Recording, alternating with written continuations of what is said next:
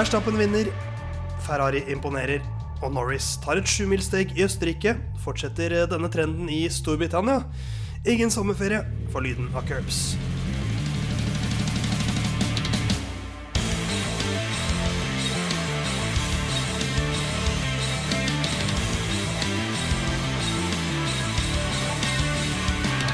Lyden av Curbs ønsker deg god sommer. Vi er tilbake, og vi lar oss ikke stanse. Selv om det er sommerferie for mange der hjemme, så er det sommerferie for oss også, for, i hvert fall for noen av oss, fra jobbene våre. Mens noen av oss må jobbe gjennom hele juli. Men podkast blir det, også gjennom hele juli. Theis bak Jeg kan ikke si spak og klaff denne uka. Jeg sitter bak mikrofon, bak tastatur og mus, eh, fordi vi spiller inn hjemmefra. Jeg sitter på Sagene i Oslo. Mens du, Nathan, hvor sitter du i verden? Eh, Jeg sitter hjemme i uh, hybelen uh, i kjelleren hos svigers i Det er, Grimstad. si. det er så rått å si. Ja, det er det. Det er eh, blitt gift. Ingenting har forandra seg med det første, iallfall. Nei, ikke sant. Og der Der skulle vi egentlig satt over til Herman Borgstrøm. Eh, Men som du Men- nevnte her før sending, Theis, så har ikke bredbånd kommet til Langangen ennå. nei, han står oppført i vårt eh, innspillingsprogram på nettleseren vi bruker. Der står jeg oppført som Theis Magelsen 2. Du, Jon Halvdan, nei, Theis Magelsen, du står oppført som Jon Halvdan Halvorsen. Mens tredjemann står oppført som Bale-Frans 2. Fordi han datt ut en gang i stad, kom tilbake. Da måtte han bli Bale-Frans 2. Eh, Og nå er han ute og har blitt Bale-Frans borte. Eh, Men da kan jo jeg, mens vi Skal vi bare fortsette, Jon? Ja, vi bare fortsetter. Vi bare fortsetter. Mens vi venter, så kan jo jeg bare nevne Kanskje jeg skal gå på funfacten med en gang? Før, Ja, vi, synes liksom har sagt, før vi sier hva vi har gjort? Det interesserer ikke Herman noe særlig uansett. Nei. Um, det er den 62. Vanskelig å si. Uh, Herman, vi har bare fortsatt, vi. Når du kommer tilbake. Ja. Hei, hei. Uh, da kan du, da, da jeg har begynt på funfacten, så jeg bare fullfører. Før du skal fortelle hvor du er. Det er den 62. episoden av Lina Curbs. Jeg gjør det kjapt og gærlig. Vi skal til Silverstone til helgen. Charles Leclerc har ledet 62 runder på Silverstone. 49 runder i 2021. Det var den famøse utgaven da Verstappen krasja. Eh, Hamilton fikk tidsstraff. Leclerc tok, Leclerc tok ledelsen etter den, eh, den eh, krasjen. Leda i 49 runder, så kom Hamilton forbi og vant likevel. Han leda også i 13 runder i fjor, etter at Ferrari da ikke pitta han under en safety car. Han ble passert ganske raskt og ble nummer fire til slutt, og da Sainz vant. Så 62 runder har Charles Leclerc ledet på Silverstone før årets utgave. Og da Vårt svar på Charles Leclerc. Du er god i, til å nå pole position, men du er dårlig på å fullføre, Herman. Uh, du har kanskje ikke så bra bredbånd ute i langgangen, men du har et fint smil i hvert fall. Hvordan går det med deg? Det går bra, eh, men jeg blir litt stressa av det greiene her, jeg, altså. Og nå ser jeg heller ikke på det programmet vi har, så ser jeg ingen waveforms. Så for alt dette vet, så er det ingen som noen gang vil høre det her, bortsett fra dere to. Ja. Men eh, jeg sitter i langgangen, delt internett, i en fuckings bil, fordi jeg har snappa opp et eller annet sted at der er det liksom greit lydisolert. Så jeg har bare jeg har bare gått for det, da. Eh, på de her sommerspesialepisodene våre, hvor vi ikke sitter i samme rom. Ja, Du blir jo på en måte vår sånn utgående reporter nå. Du har litt den viben. Eh, Så sånn sett føles vi enda mer internasjonale, syns jeg. Ja, det, det kan vi jo tenke, ja. Jeg prøver alltid å vri ting til noe positivt, dette Herman. ja. Men eh, er det noen som lurer på hva jeg er for tiden, eller? Siden jeg er den eneste som er i Oslo? Eh, altså, det har vel noe med Frankrike, sykkel, gul og prikket og grønne og rosa og alt mulig farga trøyer. Helt riktig. Tour de France er i gang, så jeg jobber med det for tiden. Og er i Oslo, men det er altså der jeg kommer fra. Da, så det er ikke så rart at jeg er i Oslo egentlig hele tiden. Uh, Litt rart å ta sommeren på tåsen, liksom, bare fordi du skal hjem til mamma og pappa. Ja, ja, det er sant for så vidt. De er ikke der nå, så da, da kunne jeg jo krasja hjemme, egentlig. Men uh, bedre internett her, så da sitter jeg her. Men eh, vi har mye å gå gjennom i dag. Vi skal prate om Østerrikes Grand Prix, som har vært denne helgen. Vi skal også se fram mot Storbritannias Grand Prix, for det er en double header, som du ville sagt, Herman.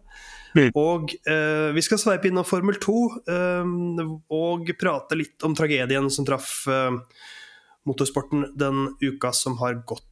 Og så skal vi prate litt eh, videre om eh, Herman Borgstrøm sitt forhold til en tysker og til norske utøvere. Så vi sveiver i gang denne hjemmeepisoden av Lyden av Curbs.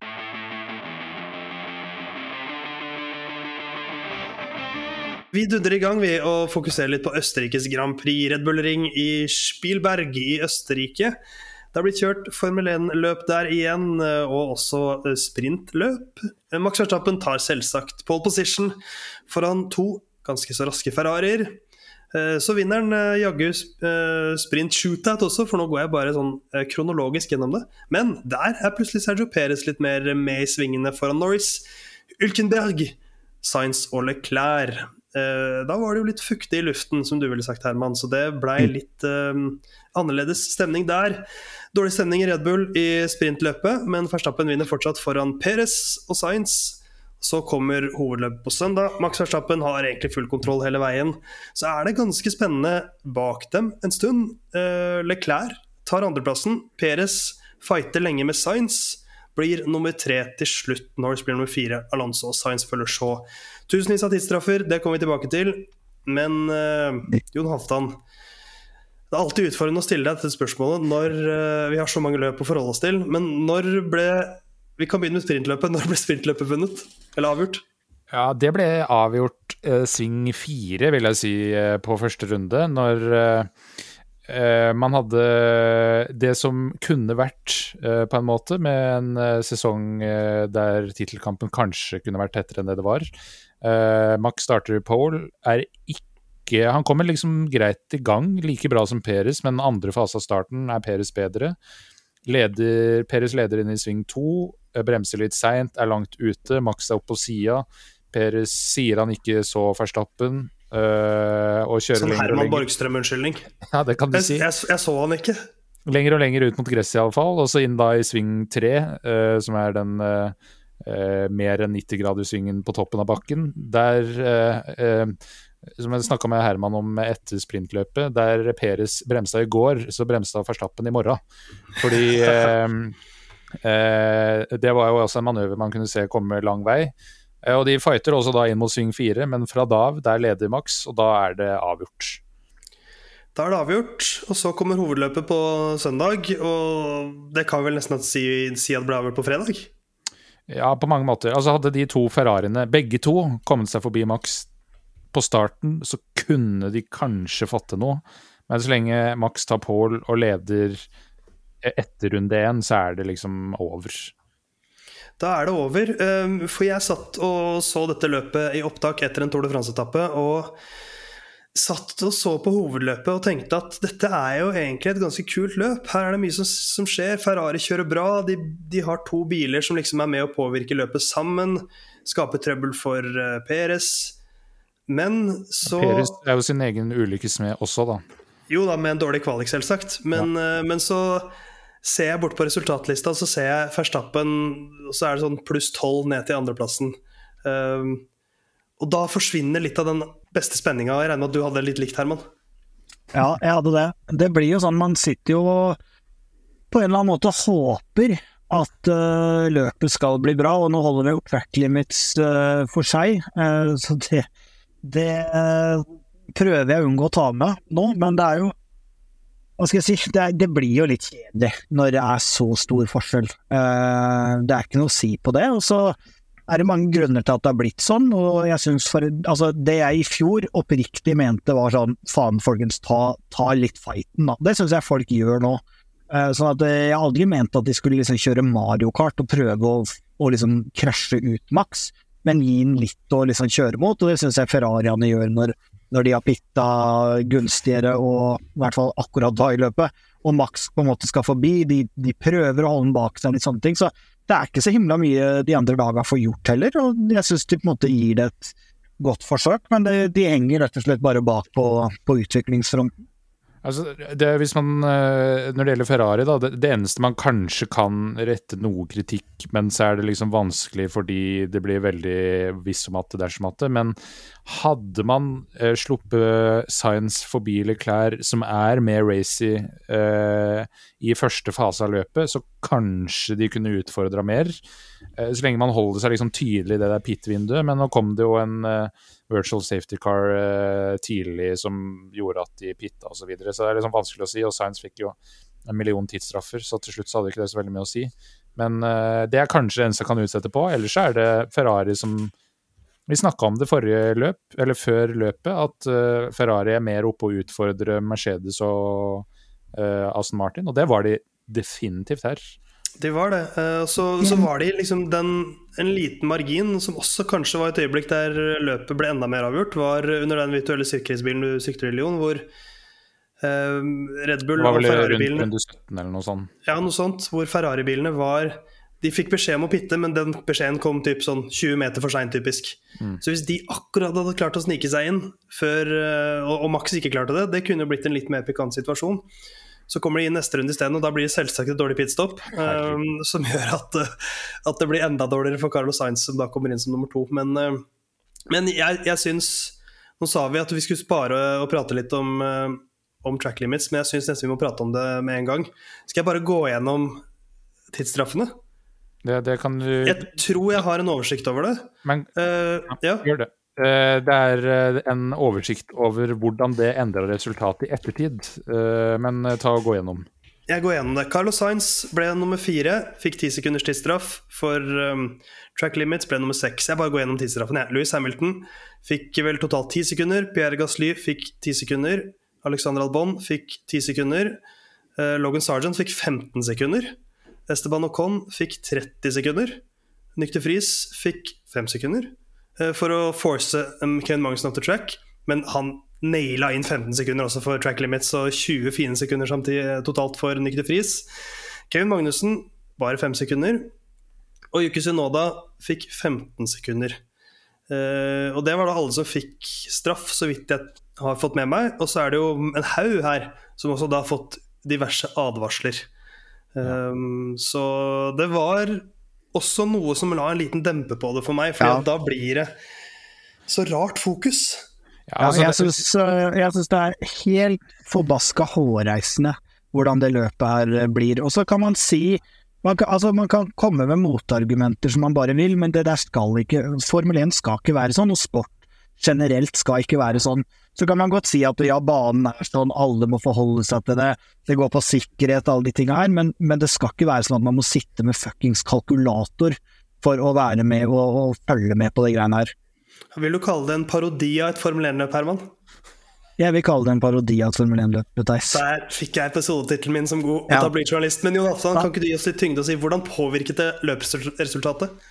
Ja, eh, jeg skal ta det faktabaserte før jeg tar det meningsbaserte. Altså, det var da et, eh, et løpsresultat som ble endra da et par timer etter løpsslutt. Det er en ting jeg ikke er fan av overhodet. Eh, og så er det også i tillegg denne debatten om man skal få tre Man skal få svart svart-hvitt advarselsflagg så man kan endre oppførselen sin, og det gjorde ikke disse her. Men iallfall etter løpet, topp tre, det var likt som det var ved avslutning. Norris opp én, Alonso opp én, Science ned to, Russell opp én, Hamilton ned én, Stroll opp én, Gasly ned én, Albon fortsatt på ellevteplass. Uh, Shogun Yu pluss to, Sergeant der han var, og Con tre ned, ned plasser. Tre ned plasser. Bottas én. Herlig syntaks. Piastri opp til Friis, ned to plasser. Magnussen opp én plass. Tsunoda ned én plass. Så det blir jo altså hele Alt ned fra fjerdeplass og ned endra. Og nå vet jeg hvordan Herman har det når jeg leser av Ukens fun fact, for jeg fikk ikke med meg noe av det der. Nei, men vet du hva, eh, før Jon Halvdan mener, så er ikke jeg ferdig å mene. Fordi det er så for jævlig dumt. Så jeg pleier ikke å banne, Theis, det er din jobb, men det der Ja, det er faen meg sant. Ja, det, men det er så dumt, liksom. Og så er det én ting går på måte på rettferdighet, en annen ting går på troverdighet. Altså, hvor, hvor, sannsynlig er at ingen av de topp tre var utafor? Eh, Peres ble jo rapportert inn haugevis av ganger. Ja, kan ha vært en dårlig taper bak, eh, man må bare legge til grunn at de har sett på det, men det virker ikke rettferdig, og det blir liksom ikke noe ordentlig troverdighet i det. Og så kan man jo også se litt annerledes på det. Hvis det var sånn da, at, eh, at Max skulle hatt en ti sekunders tidsstraff, så hadde han endt opp med å tape det løpet her ved at han pitta for fastest lap. Altså det er du satte meg til en parodi, men det er, det er, en parodi, og det kunne fått mye større utfall. Og det er, det ingenting med sport å gjøre, og det irriterer meg mer enn de Formel 1-tinga. Og lag en annerledes bane, lag annerledes regler, hva som helst, men jeg skjønte ingenting. Jeg satt og kikka, skjønte ingenting. Ok, Men uh, for å ta uh, banen først, da. Altså det, fordi Dette er arven etter starten på 2021-sesongen, da man hadde Barain Bahrain i åpningsløpet, hvor eh, flere førere kjørte ut eh, i sving fire, som var liksom den store snakkisen der. Hvor mange sekunder tjente man der, osv. Dette er en ting som man ønska Dette skal det være klarere linje på, og det bestemte man at det er den hvite linja. Så har man denne banen, som er spesiell, fordi du har 9 og 10 som henger veldig sammen, gjør at det er litt vanskelig å bedømme hvordan man ender opp i sving 10, som var der de fleste fikk advarsel og straff. Um, og du har da et uh, regelverk som skal gjelde alle banene, som passer dårlig på den her. Uh, og så er det et grep man kan gjøre uh, som jeg mener at man burde gjøre.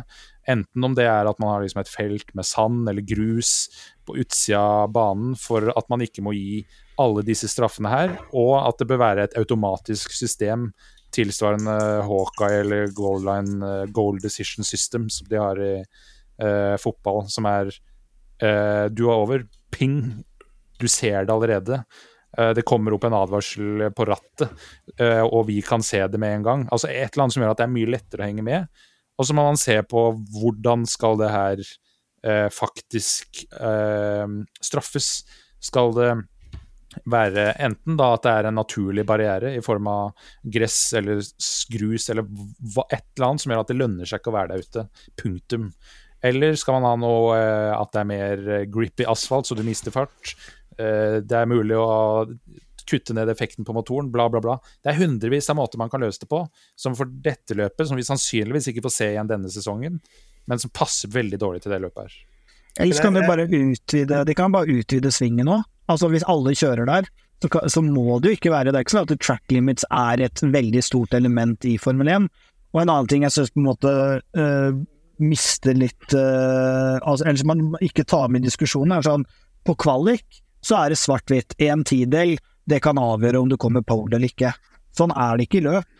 Sånn at eh, det, det, at man skal liksom ha samme sett med regler i kvalik og i løp, gir heller ikke noe mening. Jeg skjønner at en rundetid må strykes hvis du er utafor i kvalik, men i løp så er det jo en altså, helt annen greie. Ja, det er jo ett poeng i kvalik òg, da. Eller i løp for raskeste runde. For så vidt. Ja, men hvis, du, hvis da alle forholder seg til at da er altså, uh, track limits annerledes, så blir det jo fortsatt samme samme liksom utgangspunkt, men jeg syns, jeg syns også at det, liksom, det, må, det, må, endes litt på. For det blir så sånn når du hører uh, race engineer til Lando Norris, løpsingeniøren hans, hele tiden sier du må, du må fortelle oss når han er over. Litt sånn Den som sladrer mest, er den som kommer best ut av det, er det inntrykket man får. Og da må man jo sladre fordi at det er jo regler som brytes. Og høre um, Louis Hamilton liksom si at det er umulig å holde seg innenfor track limits rundt den svingen der. Og så syns jeg jo den skotske kjaka til David Coulthard sier det fint på uh, kommenteringa da at da, Louis, da må du bare kjøre saktere. Uh, så det der med at det, liksom man, man, dras ut i svingen der, sånn, det er bare fordi de pusher sånn, fordi de vet at her kan vi være på limit. Det er jo bare å, å si at uh, Ja, og jeg tror også hvis, hvis vi hadde kjørt dette løpet dagen etterpå så hadde det ikke vært 1200 incidents som man må reviewe, og eh, alle får tidsstraff. Fordi hadde, førerne hadde endra på det. Så det er litt sånn her kjører alle på rødt, så derfor legger vi inn en rundkjøring i stedet. Eh, over det samtidig, fordi men i løpet er det jo på en måte for seint. Det var litt det samme problematikken her òg, men uh, som jeg har forstått det, så har Fia også flere folk til å se på det her, så derfor får man flere straffer. Men systemet burde vært helt automatisk, at man ping, man ser det med en gang, at denne føreren er over. Men denne parodien av et Formel 1-løp som Herman, min gode kollega, døpte det uh, Det endte jo med Max Verstappen-seier. Nok en gang selvsagt gjorde det. Han øker ledelsen sin ytterligere, uh, og der også, falt også, Herman ut av opptaket vårt. Men vi kan prate litt til, uh, Jon Halvdan, om det sportslige, bare.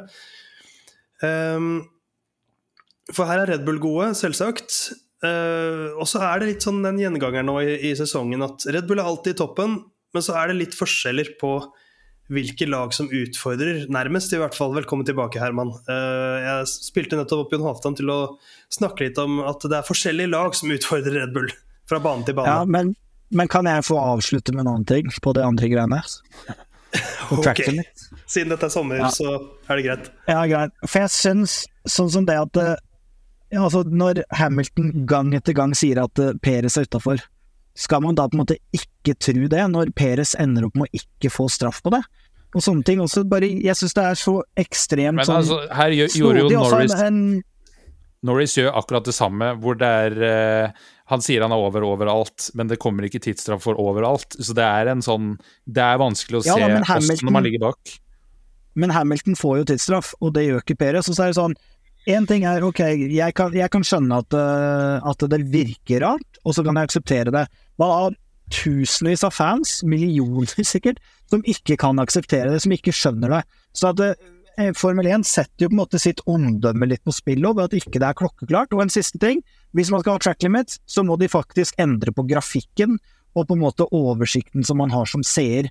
Skal man ha track limit, så må man ha full kontroll på det, og løpet må være avgjort når de kjører over linja. Det syns jeg er et veldig godt poeng, for det sa jeg tenkte på selv også. Da jeg, når de liksom, hvem har hatt sin tidsstraff nå i pit, hvem har en tidsstraff de må sone osv. Det, det gjør det veldig sånn Du må sitte og huske på det selv, og det er mye å forvente i en, i en idrett der det er ganske mye å liksom holde styr på samtidig. Det var jo til og med Men- premiere på grafikk. Det var premiere på grafikk. Funka det godt nok? Nei. Eh, det burde jo vært som i Formel 1-spillet. Bare sleng på en pluss fem når de får straff. Det, er trenger ikke å være verre enn det, men eh, vi slenger på en pluss 25 pluss 1 til Max Verstappen. Eh, bortsett fra Ferrari, som vi har prata litt om, noen uh, lag-takeaways vi kan snakke om her, Jon, litt kjapt, før vi går til tippinga vår. Ja, altså det er jo en opp, Det var én oppgradert McLaren den helga. Den, var Den ene gikk fort. den var det Norris som kjørte, og endte opp på banen eh, P5, men arver fjerdeplassen fra Science til slutt. Eh, og det er jo uh, et McLaren-lag som iallfall ser ut som de er litt mer på vei. Uh, Aston Martin har tydelig sine begrensninger, kommer veldig tydelig fram i det løpet her. At når det er lite lav- og mediumhastighetssvinger, så faller de litt til kort. For her er det stort sett bare høyhastighetssvinger. Så vi, får, vi skal snakke mer om Storbritannia, men kanskje ikke verdens beste løp for de det heller. Vi får se Vi får se hvem som har hatt verdens beste tipping denne uka.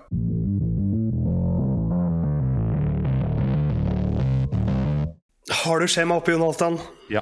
Da kjører vi på med gjennomgang av eh, Østerrike Grand Prix og vår tipperunde. Der eh, tipper jo bare hovedløpet, og så kan ukens sjuking gå over hele løpshelgen. Verstappen, Leclerc, Perez. Det var topp tre. Hva var det vi hadde tippet, Jon?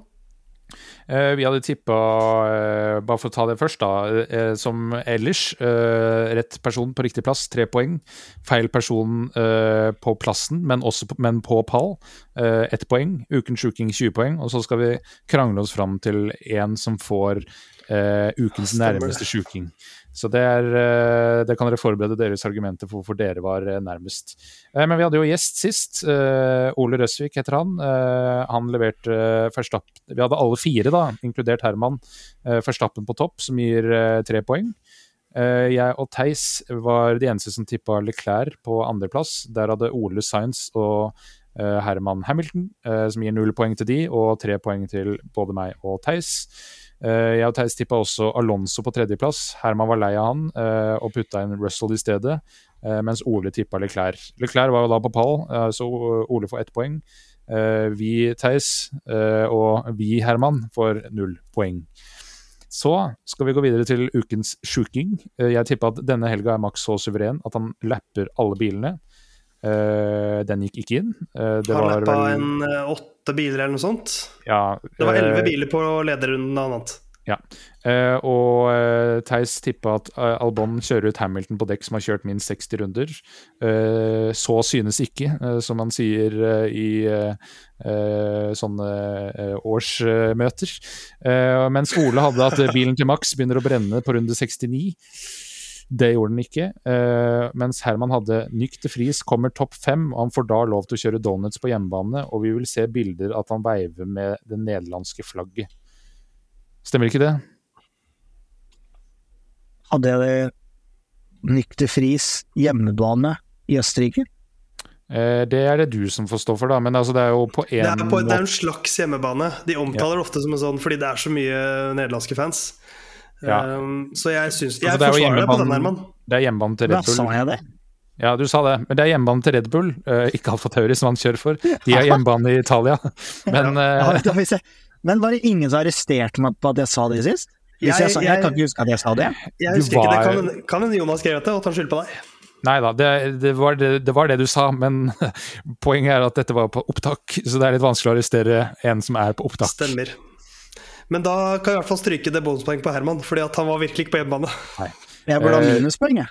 Ja, faktisk. Men, eh, men jeg Jeg, jeg syns ikke at jeg har noe godt forsvar her på min.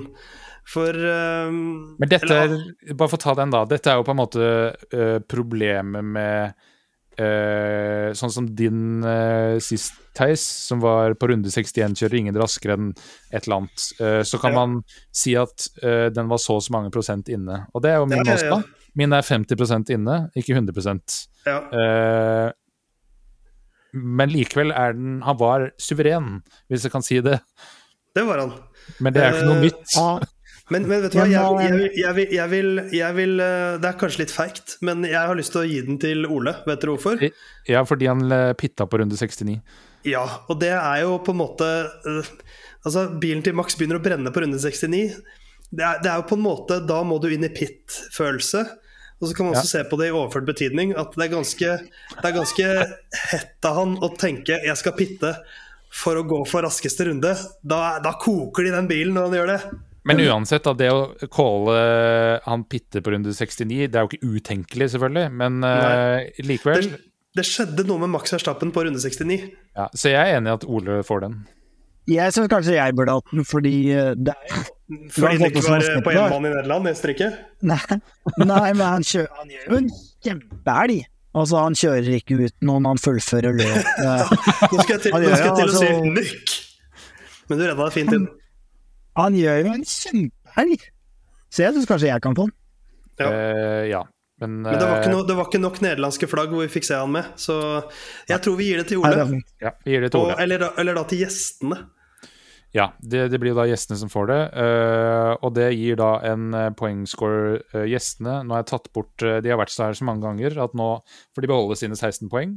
Oh, ja. Eh, Herman har 33, Theis 37 og jeg 45. Så eh, det sprer seg litt ut i toppfeltet her, eh, men det er ikke tapt for noen enda. Virkelig ikke. Vi skal videre til um, seriene under Formel 1 og prate om noe som er litt mindre hyggelig.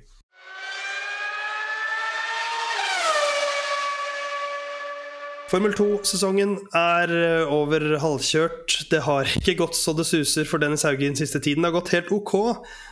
Østerrikes Grand Prix på Formel 2-nivå ble litt mindre enn ok for Dennis Hauger. Fant liksom aldri helt uh, ut av ting. Det er jo en veldig kort runde som blir veldig kaotisk, også da på Eller spesielt på Formel 2-nivå, hvor det er enda flere biler. Så Dennis kvalifiserte P13, kjørte seg fint opp til P6 i sprintløpet. Uh, og i hovedløpet opp til P11. Så det, det var litt sånn Nok en, uh, en løpshelg ødelagt av en ganske dårlig kvalik. Så um, vi får nok skrinlegge Formel 1-planene sånn for alvor eh, for 2024. Og så trenger han fortsatt en god avslutning på sesongen, hvis dette skal bli noe Formel 1 i framtiden, tror jeg. Jeg syns eh, Jeg husker ikke om det var Atle Gulbrandsen eller min favoritt-Formel 1-ekspert Stein Pettersen som sa at uh, det er et dårlig tegn at uh, Dennis på en måte finner så mye feil hele tida. At det på en måte er litt feil med bilen, litt med setup, litt med laget, sånne ting. Eh, at det kanskje rett og slett er eh, pekefingeren innover som, som gjelder. Og så sa, sa Atle at eh, det kan at han hadde en teori om at Dennis sine ferdigheter passa bedre i Formel 3 og kanskje Formel 1 enn Formel 2. Det er jo en, en hopeful take. Vi får håpe Atle har rett på, på den fronten. Dennis er nå nummer seks. Ble passert av Richard Weshaur, som vant hovedløpet. Eh, Så, så sånn plasseringsmessig så ser det jo fortsatt ikke så gærent ut. Og hvis han klarer å klatre litt opp mot eh, de siste, i de siste seks løpene av sesongen nå, så er det noe å bygge videre på, i hvert fall. Inntil neste sesong. Um, Det er jo litt så- som at uh, andreplass for Peres ikke er så dårlig heller, hvis man bare Det- ser på posisjonen, og ikke hvor er trasha han ble av lagkameraten. Men så er jo Dennis tross alt foran Jahan Daruva, da. Så der fikk du den, Sånn. Jonathan. Takk. Som Sånn. herjer tidvis. Han herja tidvis i Jeddah, det er egentlig det eneste stedet han har herjet i år. øh, Og i sprintløpet i Monaco, hvor han ble nummer to. Um, men så videre til noe som øh, ikke er så hyggelig. Delano van Toff har gått bort. ung nederlandsk motorsportutøver som eh, kjørte da Formula eh, Regional European Championship. Eh, der var det løp på Spa-Francorchat denne eh, uka. 1.7 så var det en stor krasj i eh, slutten av disse bakkesvingene som er så karakteristiske, og eh, livet hans sto ikke til å redde, dessverre. 18 år gammel, eh, 1.7 så gikk han bort. Jeg Kan for øvrig da nevne at i den eh, løpsserien så er det en annen nordmann, Martinius Stenshorn, som eh, har kjørt eh, veldig veldig bra. Bundet tre av de åtte løpene der så langt, og leder faktisk den uh, løpsserien. Eh, Der har bl.a. Fredrik Westi, tror jeg, funnet før, som nå leder i Formel 2. Så uh, vi kan jo kanskje følge litt mer med på Martinius Stenshorn uh, framover. Hvis det ikke går så bra med Dennis, så følger vi de um, som leverer. Men uh, utrolig tragisk. Spa-Francorchat, eh, svingen som har krevd liv før. Ja, og Rouge og Radion. Japp. Og diskusjonen har jo gått siden, selvsagt, i formelverdenen. Også på Formel 1-nivå, selvsagt. Alle preget av dette. Ehm, Så jeg tenkte vi kunne prate litt om, om hvor skoen trykker. Eh, Lance Stroll sa at han syns de svingene må endres, for nå har det skjedd ting der for mange ganger. Eh, Mens Alonso sier at dette kan skje hvor som helst det var vått være der, at han mener heller det er det som er gjengangeren som gjør ting farlig. Uh, også Max Verstappen har sagt at um, baner som uh, Jeddah er mye farligere enn Spa-Francorchat, og at han er også litt som Alonso, at dette kan skje hvor som helst. Um, jeg merker at jeg Jeg føler jo ikke helt at det er vi som skal konkludere det her, men, men fra utsiden Hvordan syns vi dette virker? Ja, altså, dette er jo da i uh, de regionale delen av formelsystemet. Altså det er under Formel 3 den ulykken her skjedde. På omtrent samme plass som uh, Antoine Hibert eh, døde uh, i 2019. Eh, så um, det viser jo for det første sikker, bilmessig sikkerhet, så er det De tåler veldig godt første eh, kollisjon. Men samme som eh, Hubert, så ble han her påkjørt av en annen bil. Og det er da det ikke går bra. De tåler ikke det eh, like bra. Og selvfølgelig er det her veldig trist. Eh, det er noen bilder hvor man sammenligner værforholda her eh, og det eh, parodiske løpet i 2021, hvor det ble bare kjørt bak safety car.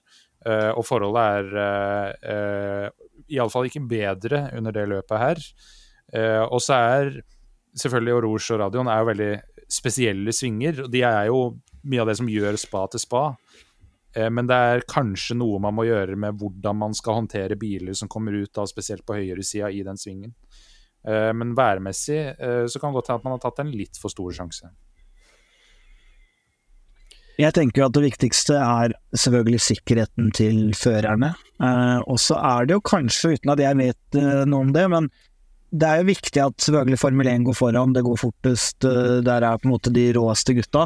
Eh, og så blir det jo bare spekulasjoner eh, fra min side, men at man på en måte påser at det også sprer seg på en måte nedover, da. Og så er det jo ikke akkurat sånn at det aldri er dødsfall i Formel 1 mens de på en måte går bort hele tida i de seriene under. Det er ikke det er ikke det jeg mener at det er et sånt svart-hvitt bilde, men sånn som Jan Halvdan beskriver værforholdene som har blitt sammenligna tidligere nå, og at de kanskje har tatt en for stor sjanse, så er det viktig at den seriøsiteten på sikkerhet opprettholdes også i eh, de lavere seriene. Da.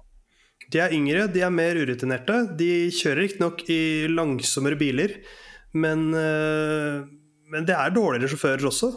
eh, som har en ikke like sterk stemme som de på toppen. Så eh, ikke at de på en måte er som hva skal man si, prøvehoppere i hopp, men, eh, men de er jo litt mer sånn De er litt mindre definerende for sporten de utøver, føler jeg. Eh, Men Ja, absolutt. Altså, I de lavere divisjonene da, så blir det jo nesten ikke betalt. Som regel må du stille med økonomi sjøl. Det er først når du kommer til Formel 1 at du i det hele tatt får uh, iallfall lønn som ligner på toppidrett andre steder. Så det er jo Man er mer redd for å si ifra òg, fordi da finner man gjerne noen som er mindre redd for å si ifra.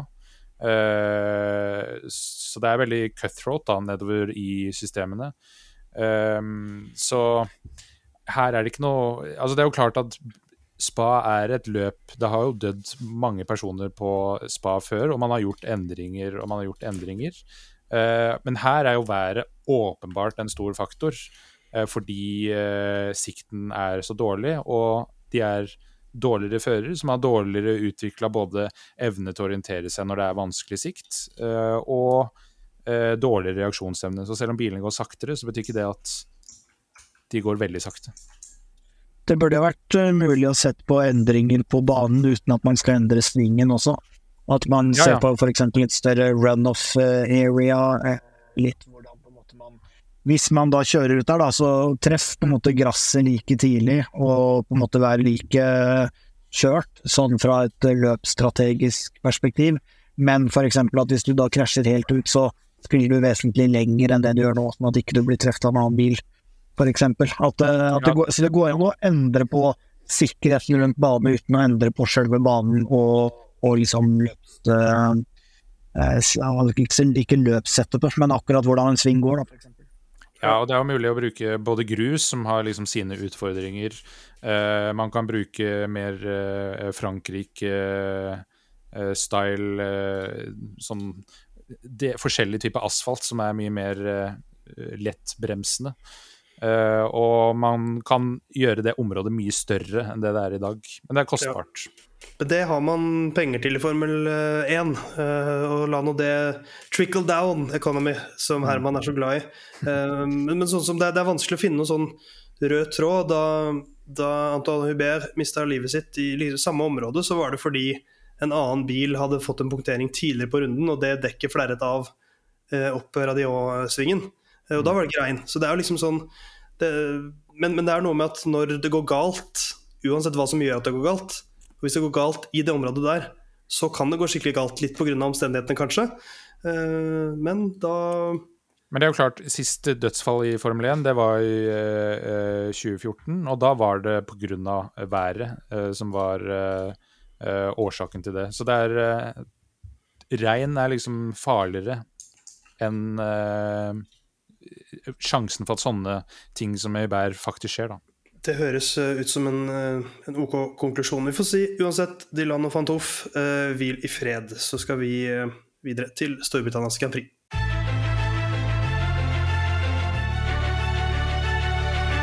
Formel 1 reiser hjem, mener i hvert fall britene som følger med på Formel 1. Vi skal til Silverstone, til Storbritannias Grand Prix. Carlos Sainz Vant der i fjor, men det er ingen tvil om hvem som er kongen av Silverstone. Det er Louis Hamilton.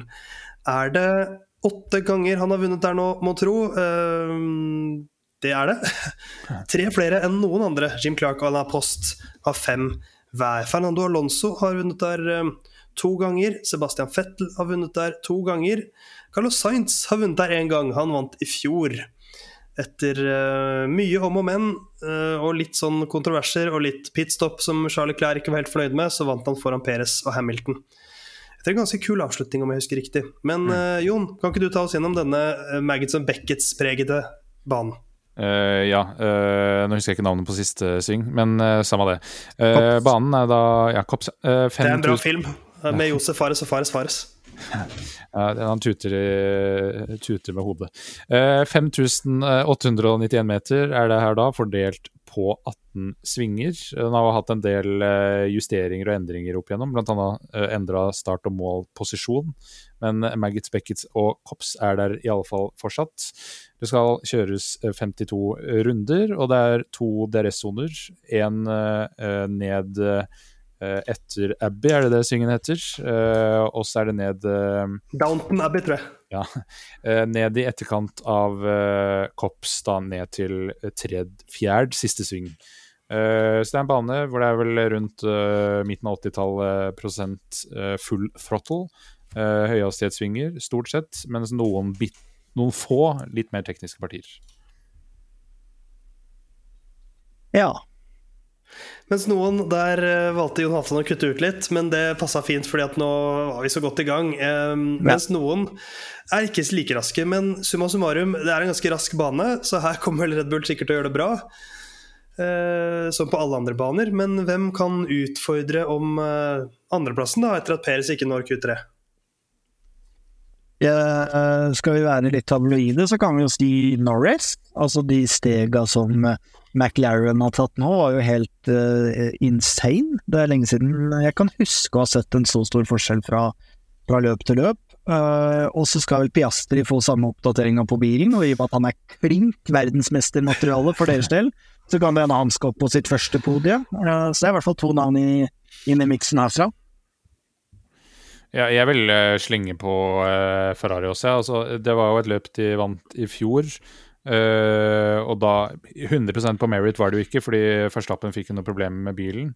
Men uh, da han var på en måte ute av det, så uh, leda de jo lenge. og Leclerc så ut som han skulle vinne det løpet. og hvis de da klarte å håndtere dekka ganske bra da, og de klarer å håndtere det ganske bra nå, så skal de i hvert fall fighte med Norris om å ta den siste podieplassen.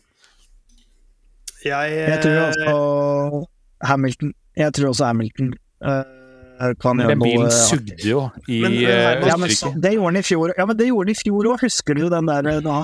Det var, ja, det var omstendigheter og... med safety car og bla, bla, bla.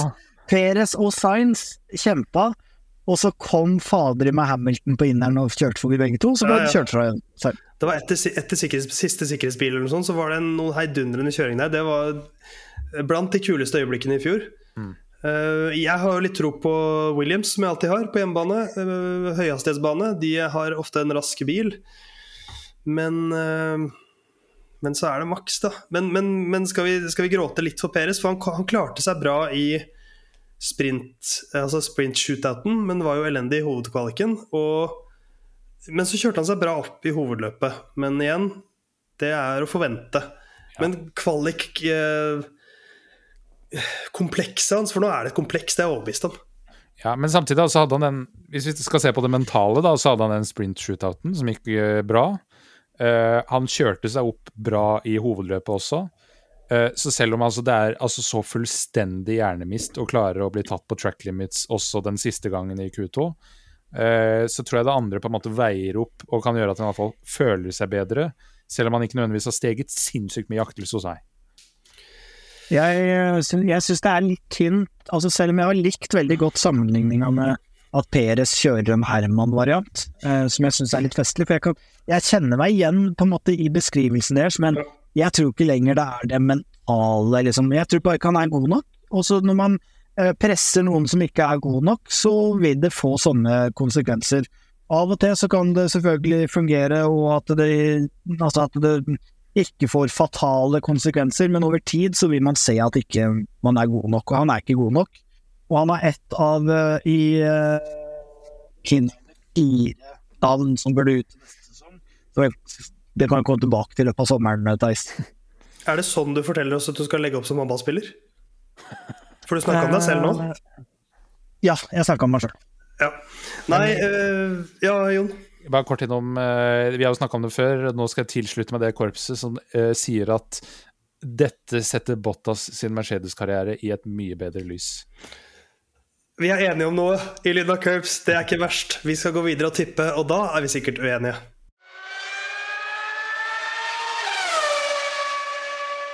Storbritannias Grand Prix skal også tippes. Eh, reglene kjenner vi jo ganske godt nå, for de har vi gått gjennom tidligere i sendinga. Så kanskje vi bare skal begynne med topp tre. Og nå er det jo de tre faste medlemmene i Luna Curb som skal tippe, så ingen gjester denne gangen. Det er jo nesten historisk. Ja, det er ikke Skal ikke kimse av det. Skal vi starte med han som aldri gjør det live, da? Ja. Eh, Jon Halvdan. Ikke deg, ikke meg, men Herman Borgstrøm. Ja. Uh, Fangen. Førsteplass. Hvor langt bak er jeg deg? Hvor langt bak er dere i sammendraget, bare for å få den på plate? Du er fire poeng bak meg. Ok, fire. Det er ikke så ille. Ok, Da setter jeg Forstappen på første, og så setter jeg Og andre og tredje? Jeg setter Peres på andre, og så Norris på tredje. Er det altså det, hadde, å, det er jo en ny taktikk. Å kjøre sånn som på gamle tippekupongene, kjøre helgardering. At du har en hvor du kan sitte tre kryss og kjøre hjemme borte og uavgjort. Og så gjøre Verstappen, Verstappen, Verstappen. For da får du maks Du får ikke fem poeng da, da får du maks tre poeng. Ja, ja, ja. ja, Hvis da vinner, så kan du så kan, Ja, ikke sant. Um, jeg tar copy-paste. Copy-paste. Ja, Uh, så du tipper Verstappen, Peres, Norris, du også. Eh, og jeg slenger meg på mitt eget Ferrari Hype Train eh, og tipper Verstappen, Perez, Leclerc. Ikke sant. Eh, Så vi, det er tredjeplassen som avgjør hvor, hvor stor poengforskjell det blir der. Men ukens sjuking, der er det 20 poeng å hente. Eller ett poeng, da, som mest sannsynlig. Eh, Herman, kan ikke du begynne på den, du òg? Ja, eh, jeg liker kjendisjaget. Jeg vil Jeg skal inn i et landskap som går på Brad Pitt og Christian Horner. Uh, det vil være på sending eller i sosiale medier et bilde hvor de to på en måte møtes. Vi snakker handshake eller posing. Oi. Jeg, eh, jeg liker konk konkret. At det er konkret. Men jeg, jeg syns det Altså, sånn posing blir for generelt. Jeg det, må, det må i hvert Armen fall rundt. være Jeg, jeg Armen sier rundt. på sending Jeg vil godkjenne det hvis det er endra til eh, på sending eller SoMe vil det være et bevis på møtet mellom Christian Horner og Brad Pitt. Ja, så må jeg velge enten sending eller SoMe. Eh, I utgangspunktet så eh, Det bør være eh, en av de involvertes SoMe. Uh, altså da er det Red Bull, Christian Horner, Brad Pitt eller Formel 1. Ja, Vet du hva, jeg syns, jeg jeg, ja. jeg, jeg syns det, er det er så konkret at hvis vi sier hvis, hvis det dukker opp et eller annet sted at Christian Bale og Christian Horner har, um, har posert, men, men, det skal, men det skal involvere Sa jeg noe feil? Ja, det bare, Ja. Du bare bytta kjendisen. Brad Pitt. Hvorfor tenkte jeg på Christian Bale? Det er et godt spørsmål. Ford Eh, versus Ferrari. For jeg, tenk, jeg tenkte Det er jo gøy at begge to heter Christian, så jeg tenkte på det. Men hvis Brad og Horny eh, poserer Men jeg vil at det skal både være en handshake involvert og en arm rundt fra en av dem. For det er jo naturlig at de hilser på hverandre på en måte først. Ok, så jeg må kunne jeg vil at komme det begge deler. Ja, Ja, greit. Ja, med, med handshake og arm rundt. Min ukens sjuking involverer også ditt Ferrari Hype Train, Jon Halvdan, men det sporer litt av. Charles Leclerc og Carlos Sainz leder begge to i minst 20 runder hver, men ingen av dem ender på podiet. Carlos Ja, vær så god. Sainz og Kos med den. Charles Leclerc. De blir ikke avbildet med Christian Bale i løpet av helgen, kan du legge til. Men Brad Pitt. Men Brad Pitt. Kanskje. Nei, da kos deg med den. Jon Aftan, hva er din? Car- Carlos Sainz og Charlie Leclerc leder 20 runder hver, men ender ikke på podiet. Var det det som var Ja, nå trodde jeg du, du hadde det samme som meg. Nei, men min er faktisk litt i samme gate. Uh, dette, er, uh, dette blir kaosløpet. Som gjør at, og da skal bare Definisjonen på å lede en runde er at du må være første bil over målstreken ved rundebytte. Altså Det holder ikke at du har vært foran i to meter. Uh, og da har vi uh, dette løpet har vi seks forskjellige ledere i løpet av løpet. Godkjent. Det har som regel vært to, liksom, i årets sesong. Så da kan du ta en kjapp oppsummering, Aftan. Ja, det kan jeg gjøre. Vi alle tippa Verstappen og Peres på henholdsvis første og andreplass. Jeg tror at det er Leclerc som ender opp på tredjeplass, mens Herman og Theis tror at det er Landon Norris. Min ukens sjuking. Vi har seks forskjellige ledere i løpet av løpet. Uh, Theis har tippa at Carlos Sainz og Charles Leclerc leder 20 runder hver, men ender ikke på podiet. Mens eh, Herman uh, sier at på sending eller SoMe vil det være et bevis på et møte med handshake og arm rundt mellom Christian Horner og Brad Pitt.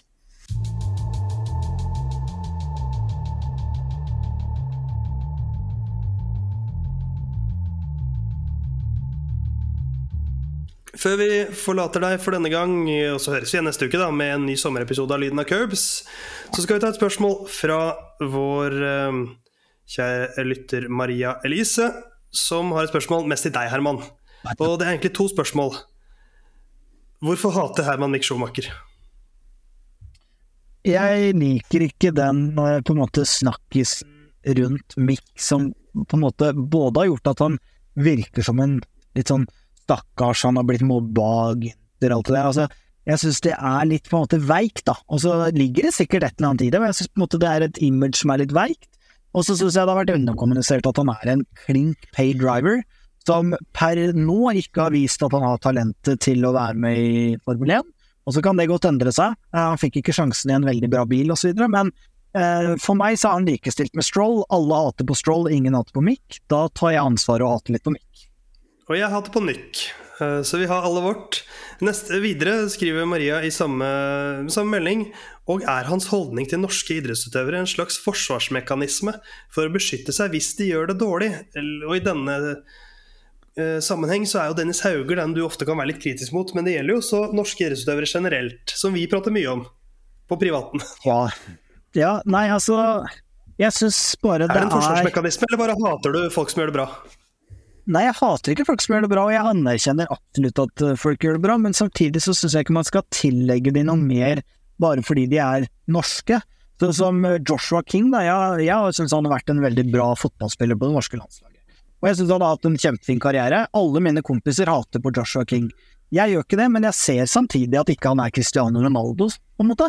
Så at eh, jeg syns man må kunne stille liksom riktige krav selv om de har norske pass. Det er egentlig mer det jeg på en måte syns at det er viktig å, å få fram, da. Eh, så det er ikke noe forsvarsmekanisme, men jeg bare eh, Haaland blir kanskje verdens beste fotballspiller. Dødskult har gjort det kjempebra, men samtidig så kan han ha dårlige matcher, han òg. Og da, det er like greit å snakke om det som om han var fra fransk land. Fra franskland. Fra franskland, jeg tipper vi lar det bli blant de siste ordene i ukens Lyden av Curbs-episode. Eh, Herman, hva skal du den neste sommeruka? Jeg eh, jobber jo fullt for å spare opp ferie til jeg skal eh, til USA, selvfølgelig, i eh, august. Så jeg skal ikke gjøre noen ting fornuftig. Du, Jon Halvdan? Eh, nei, jeg har jo ferie, uh, så det blir uh, sikkert ikke noe mer fornuftig. men uh, blir ta det rolig. Eh, vi snakka om bade, forrige, bading forrige episode.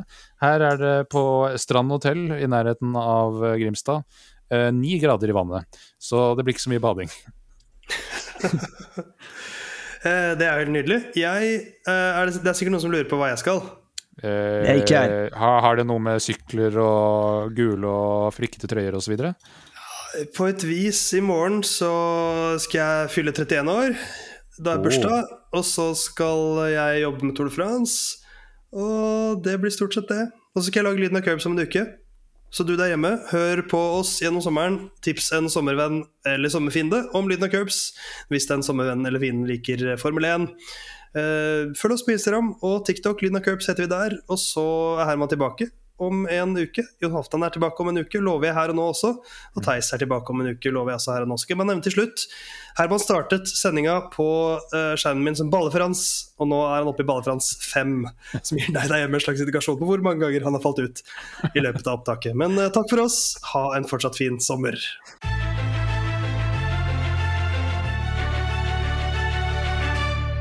Good luck this weekend, Stroll.